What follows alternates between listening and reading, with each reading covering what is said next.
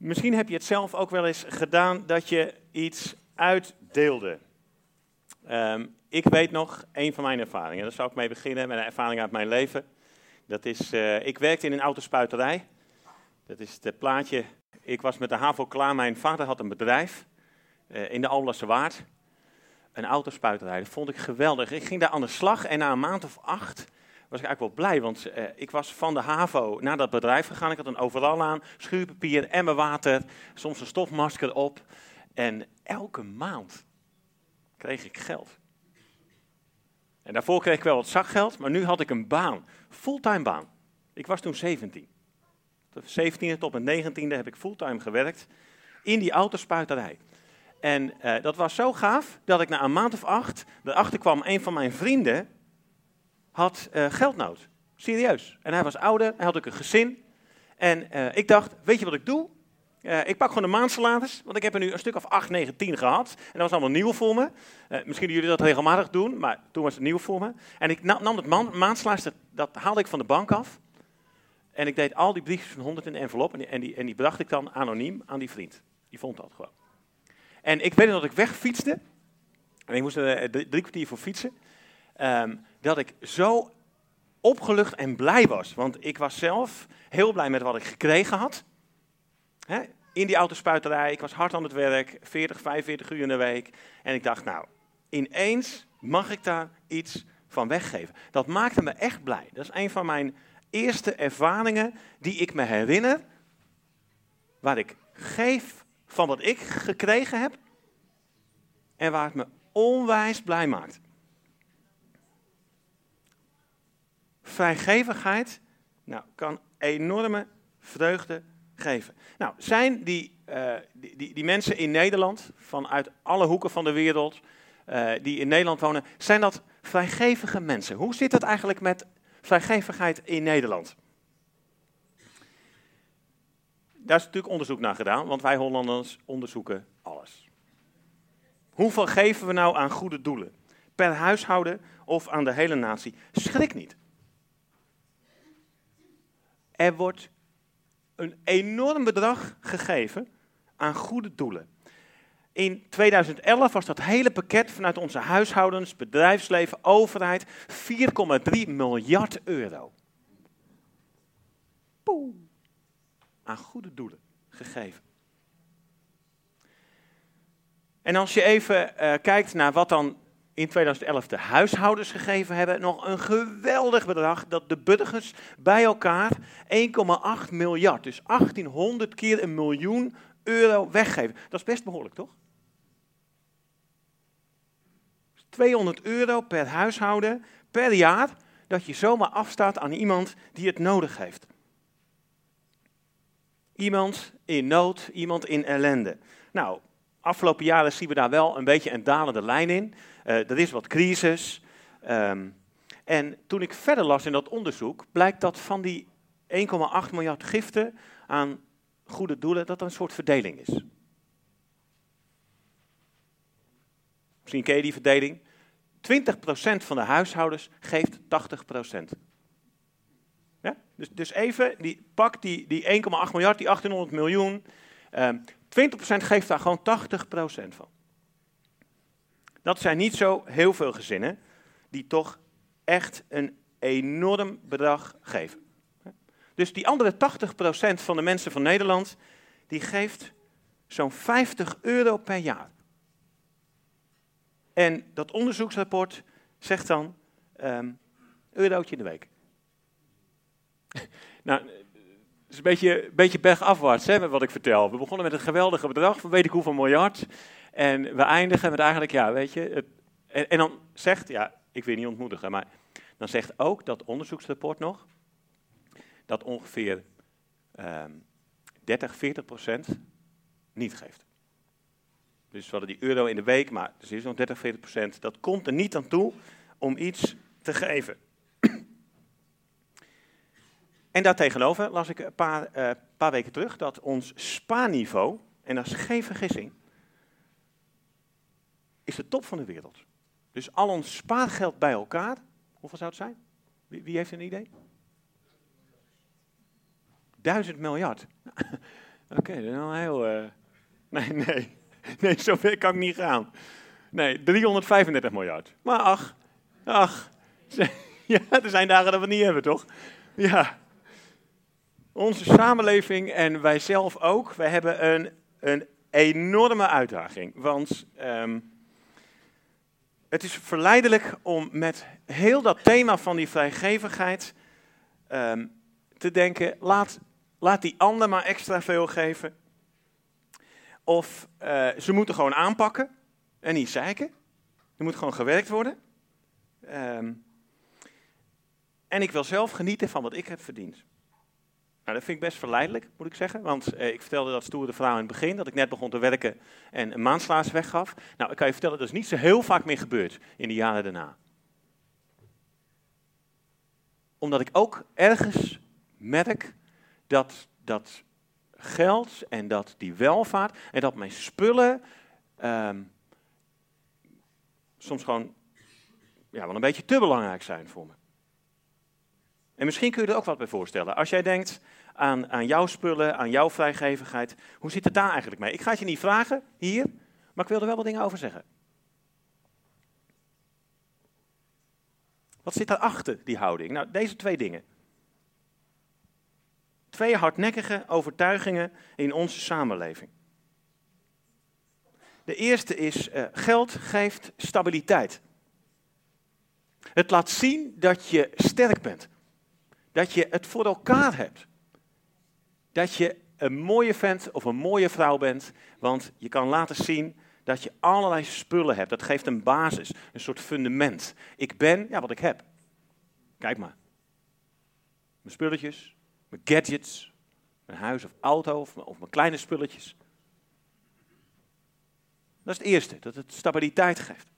En de tweede reden waarom die vrijgevigheid soms ook wel wat keldert en daalt, bij mij of bij jou, dat is dat we denken, hoe meer spullen, ja, daar groeit eigenlijk ook je geluk mee. Wordt makkelijker. Alsof geld een soort infuus is, wat als het ware geluk ons leven binnen laat stromen. En zolang we uh, dat kraantje open houden, worden wij steeds gelukkig. We zijn er soms aan verslaafd. Aan dat niveau van wat we hebben en willen hebben. Soms ook van willen hebben. Oké, um, Richard, denk je misschien. Uh, ga nou niet lopen beleren of moralistisch doen over geld.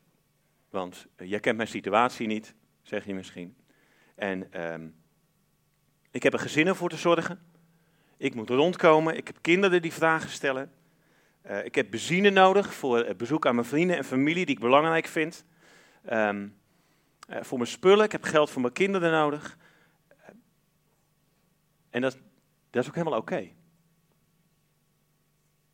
Weet je, de, de, de spullen en de middelen die we nodig hebben om gewoon de, de basis, ons bed, ons huis, de zorg voor de kinderen, zorg voor jezelf. Waar het eigenlijk ons pootje haakt en waar we dreigen te struikelen, is wanneer we geluk eraan vastkoppelen. Echt geluk. Geluk vinden in spullen of geluk vinden in welvaart kan zomaar zijn dat het, net als gadgets en hebben dingetjes, snel verdampt. We denken dat we ergens heel blij van worden als we die aankoop doen. Of we denken dat iets meer geld op de bank ons meer rust zal geven. Maar soms komen we erachter. Is dat nou echt zo, jongens? Ik moest denken, een beetje een. Um, een jaar of vijf, zes geleden. Ik loop met uh, mijn vrouw in, uh, in Utrecht. En ik kom in een, uh, in een computerzaak en ik dacht: ik heb een nieuwe computer nodig. Um, die van mij had ik al een jaar of zes, zeven. En inderdaad, af en toe uh, bleef, het wat, uh, bleef het wat haken. Dus um, er was een aanbieding, ik koop die nieuwe computer. Een paar honderd euro. En hij staat in de auto en hij gaat mee naar huis. En ik was zo blij. Ik vond mezelf wel hip. Ik ben helemaal niet van de computers, ik heb er weinig verstand van. Maar ik had nu een, een modernere computer gekocht. Met Intel dit, of met, met Card zus of zo. Weet het al niet meer.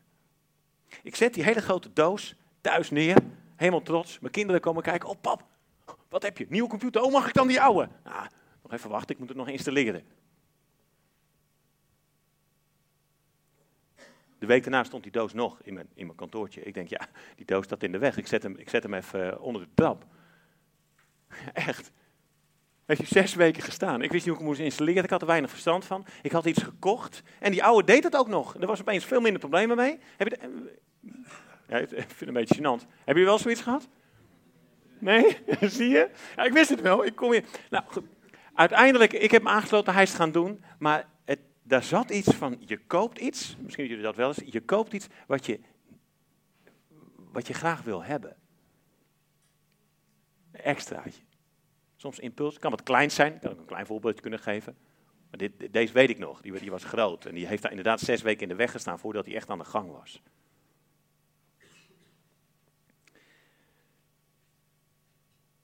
Spullen geven mij uiteindelijk niet het geluk en niet de bevrediging waar ik naar op zoek ben. Dat was toen niet zo, omdat ik in het begin me super stoer voelde met mijn nieuwe PC en mijn, mijn kinderen vonden het leuk en mijn vrouw dacht van, hé, hey, misschien dat hij ook wat sneller werkt, dan ben je wat eerder bij de koffie. En dat gebeurde allemaal niet.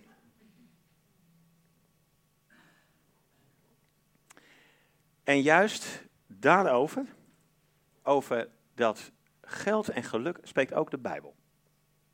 En ik heb woorden van een wijze koning meegenomen. En die wijze koning die zegt, wie graag rijk wil zijn, ja, die heeft nooit genoeg. Ken je dat? Wie veel heeft, wil steeds meer hebben. Ook dat is allemaal zinloos. Als iemand rijk wordt, willen steeds meer mensen iets van hem hebben. En degene die rijk is, kan alleen maar toekijken. Hij heeft niets meer in zijn bezit. Een arbeider slaapt altijd goed. Daarmee bedoelt hij, uh, die heeft hard gewerkt, die is moe, die valt dus een blok in slaap, uh, die zorgt voor zijn gezin. Of hij nu veel of te weinig, weinig te eten heeft. Maar een rijke heeft zoveel bezit dat hij niet kan slapen. Oftewel, hij maakt zich er weer zorgen om. Hoe wordt het meer? Bodemloze put. Prediker zegt dat het zinloos is. Die koning, koning Salomo, die dit boek schreef, had ook veel. En hij trekt de conclusie in zijn boek, zo naakt als iemand wordt geboren, zonder bezit, als hij doodgaat, kan hij niets meenemen. Is dat niet dat spreekwoord? Het laatste hemd heeft geen zakken. Ik weet niet of je hem kent. Dat is een beetje luguber ook.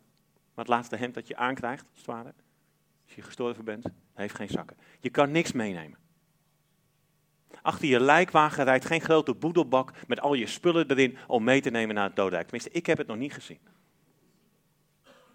bij mij zal het niet zo zijn. Het is voor nu, maar soms denken we dat het voor eeuwig is, die spullen die, die we verzamelen. De rijkdom die we verzamelen. Dus dat is die ene koning. Er is nog een koning die ook heel bekend was. Tutankhamon. Hij werd als 17-jarige begraven met immense ladingen goud. Een strijdwagen van puur goud. En duizenden gouden kunstvoorwerpen. Ze zijn jaren bezig geweest met het, met het opgraven en het rubriceren. Drieënhalfduizend gouden voorwerpen. En de climax was zijn kist. Eigenlijk vier kisten. Zijn kist, in een vergulde kist, in een vergulde kist, in een vergulde kist. Sarcofaag noemen we die. En de binnenste was van puur goud. 188 centimeter, 110 kilo. Puur goud. Waarom zo ongelooflijk veel goud? Want dat lag allemaal onder het zand. Duizenden jaren onder het zand. Zoveel goud. Waarom?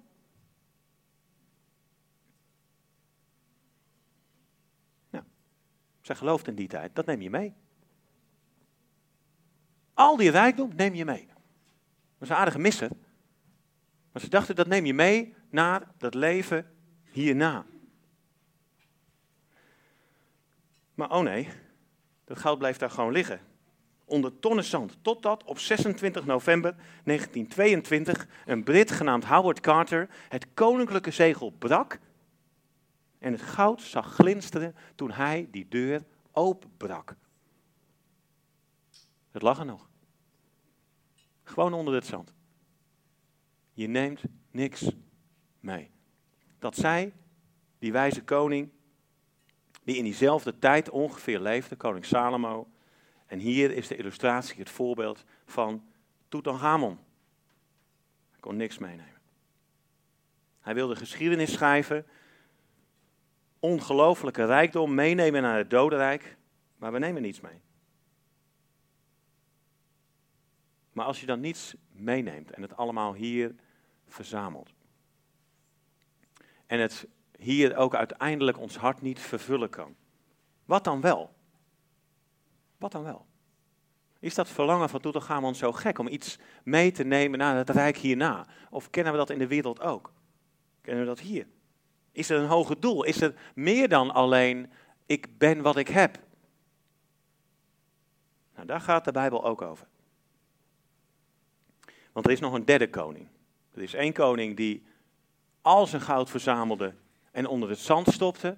Er is één koning Salomo die we hier hoorden en die zegt van, je kan niets meenemen. En rijkdom is eigenlijk maar leegte, terwijl hij zelf ook rijk was. En dan is er de volgende koning. Die onmetelijk rijk was en arm werd voor ons. Geen schatten meenam, maar juist achterliet en mens werd. Jezus. Die schokkende verhalen vertelde, ook in zijn tijd al, over um, diepere rijkdom. En het kan zomaar zijn dat je hier zit en dat de aardse rijkdom uiteindelijk uh, je hart niet helemaal rustig maakt. Dat kan je soms heel onrustig maken.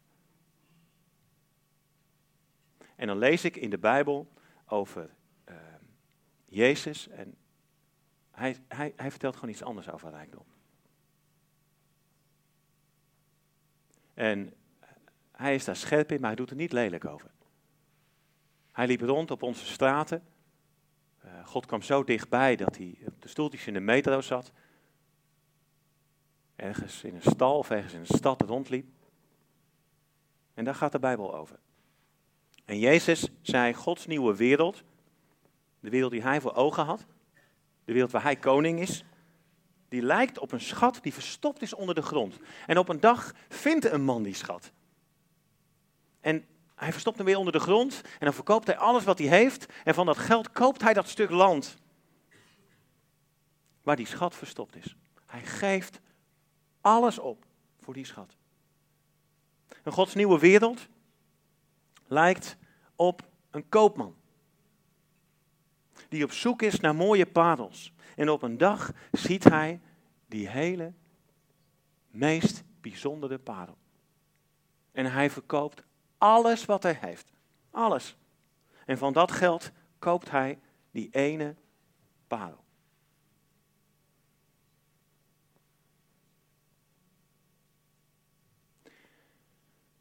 Jezus vertelde gewone, alledaagse verhalen met een diepe, schokkende betekenis. Als je op die landerijen in Palestina of als je handelaar was in Parels, kon je dit verhaal zomaar voorstellen.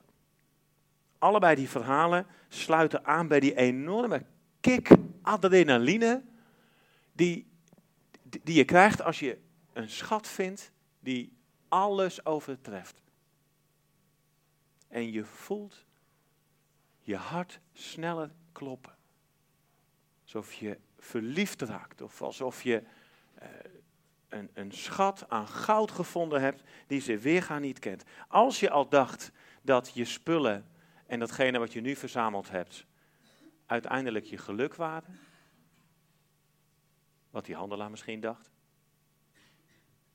Of wat die man misschien dacht.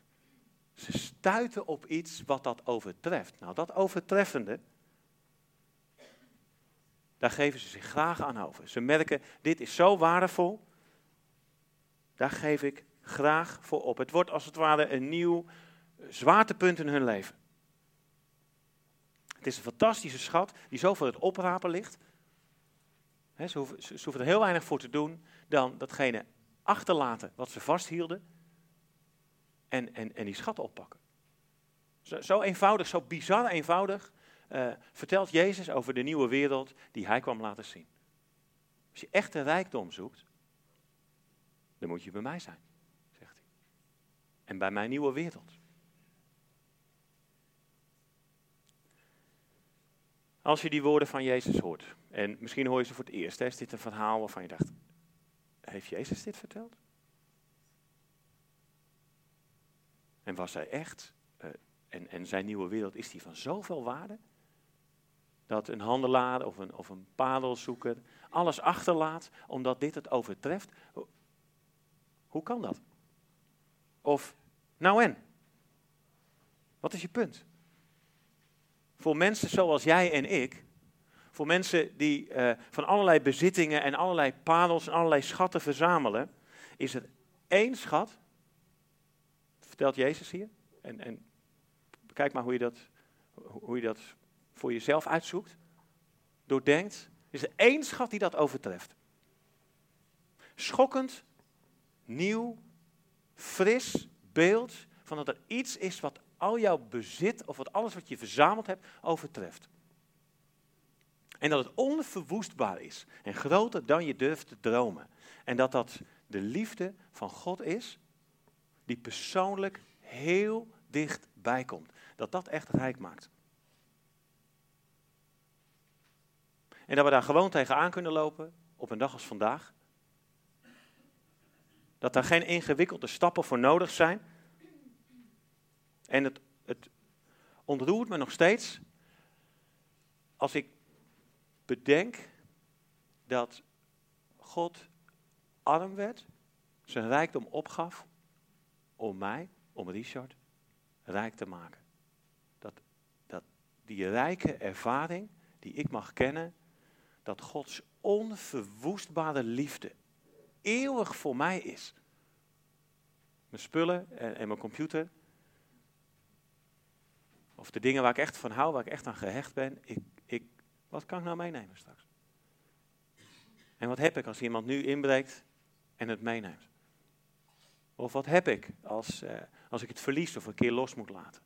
Maar, maar onverwoestbare liefde die mijn richting uitkomt en mij zoekt en ergens weet ik me gevonden door die liefde. Zoals die gast op die schat stuitte en gewoon ondersteboven was. Of, of, of die man of die vrouw die parel zag en zegt van, ja maar hier heb ik echt alles voor over. Dat het zo groot wordt. Liefde. God werd arm om mij rijk te maken. Niet een schat onder het zand van Toetach Amond van honderden kilo's goud. Maar een persoon. Iemand die op zoek is naar ons. En iemand die tegen mij zegt, Ries, ik hou onverwoestbaar van je. Het is niet meer weg te denken uit mijn leven. Hij heeft me zo gegrepen is niet meer uit te zetten, is niet meer weg te drukken. Het heeft me veroverd, als het ware. Een liefde die me blij maakt, ook als ik het moeilijk vind. Een liefde die niet alle antwoorden op mijn vragen geeft, maar die me bevestigt en zegt: Het is, wie ben je? Ik ben geliefd. Zo rijk.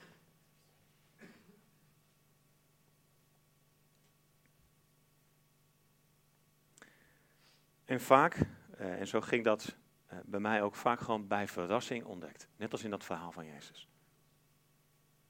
Bij verrassing ontdekt. Zo. En het treft je. Het raakt je ergens. In een muziek, in een woord, in een beeld, in een kunststuk. Wauw, hier, hier ben ik. Hier sta ik. En dit overstijgt mijn rijkdom en wat ik verzameld heb. Dat dit ergens mijn hart vult met liefde die niet te verwoesten niet te stuiten, niet te stoppen is. Gods liefde. Onbetaalbaar. Dat is ook de schok van Jezus' verhaal. Daarmee zet hij mijn leven en ook ons leven op zijn kop. Hij brengt het uit balans. Want wij denken dat we die balans en die stevigheid hebben, of we denken dat dat geluk en die, en, en die welvaart, dat dat ons stevigheid en stabiliteit geeft. Maar hij kantelt dat even. Even uit balans, uit evenwicht, uit ritme.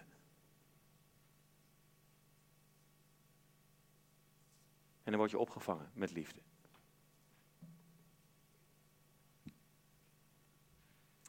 En nu? En nu?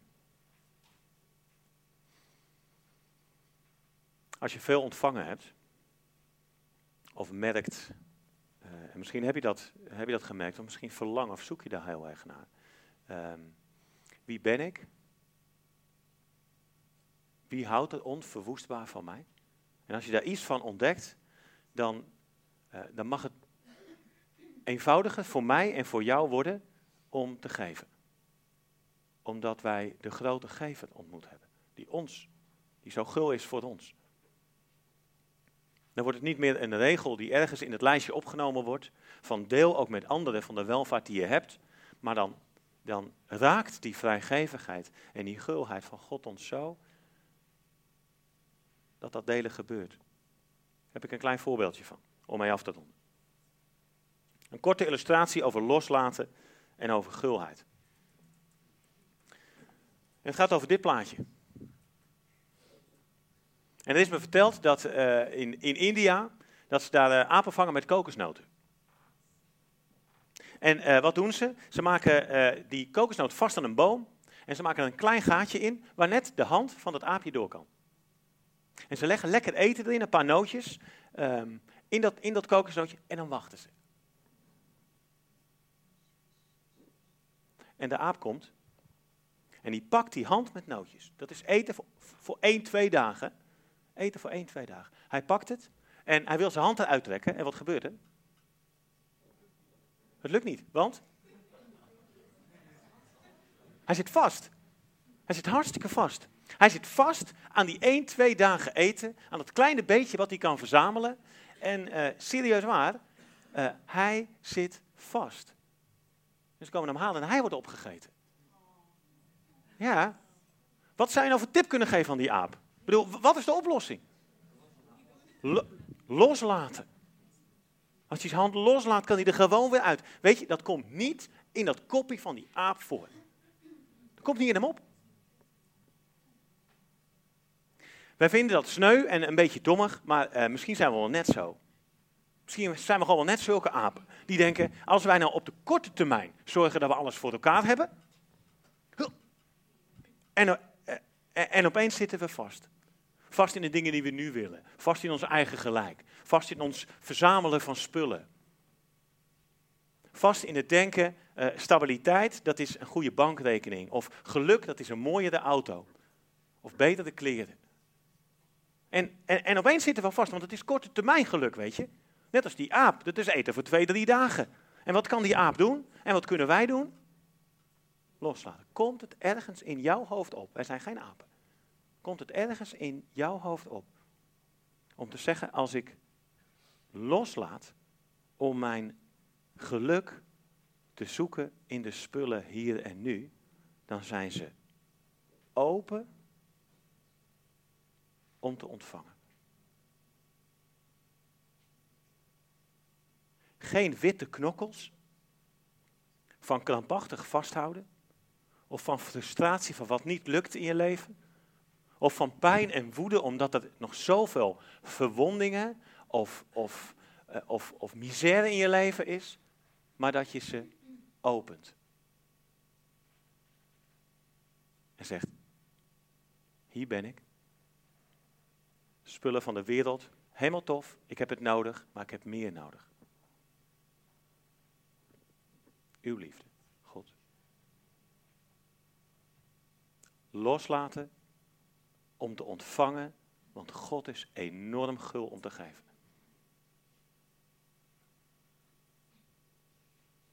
Zullen we bidden?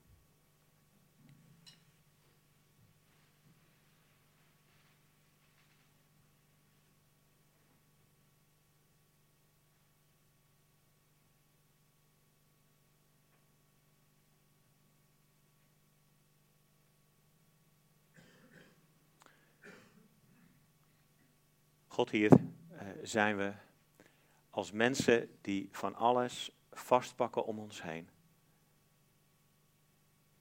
We bidden dat u ons helpt onze handen te openen en los te laten, zodat u met uw gulheid en uw onverwoestbare liefde ons omarmt.